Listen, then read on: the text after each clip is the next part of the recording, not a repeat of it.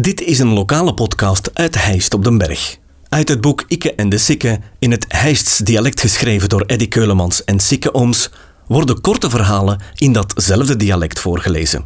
Dit vertelselke werd ingesproken door Anita Michiels. Ons Polen en een kik. Deze gaat over iets van toen dat ik nog heel klein was, maar dat heb ik toch nooit niet vergeten. Het was 1 september 1951. Ik was vier jaar oud en ik had mijn eerste kleuterklas op de berg bij de nonnekes Deugenbrocht. Mijn twee zussen gingen dan ook naar school. Ons fokke was melkboer in die tijd en die leverde zowel bij de nonnekes als in de Bossenstraat op de school.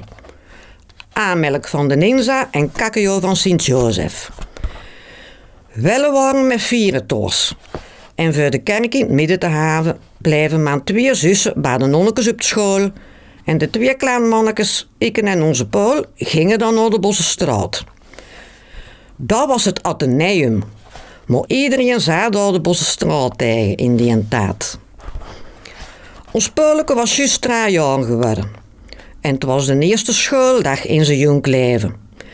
En voor mij de eerste dag in een vreemde school.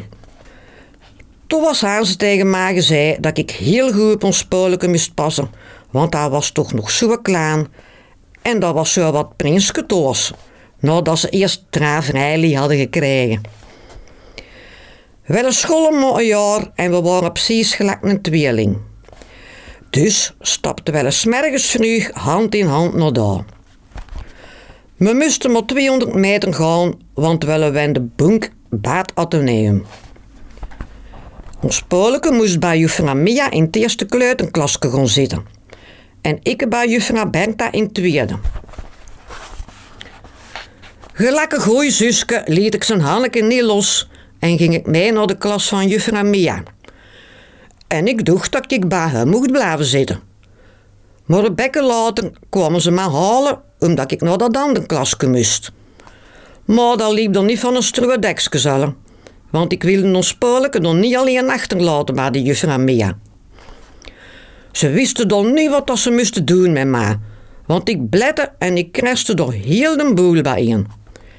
Ik riep tegen de juffrouw dat ik op ons Polke moest passen, want dat hadden ze toch gezegd tegen mij. Natuurlijk begon ons Polke ook mee te blijten toen, omdat ik zo jolk deed. Wat wilde. Van Ermooi hebben ze me dan maar laten zitten heel de vernoen. Snoenes gingen we dan een hoos eten en na de noen terug naar school. Daar hebben ze dan kutten met de gemokt met ma en per fots in de tweede kleuterklas gezwierd. Ik weet nog dat alle kinderen dan met ma lachten, omdat ik nog altijd bledde. Sanderendaags was alle leed geleerd. Lekker als dat zo al gaan met klein jong. En van toen af waren we gerust in de zaak.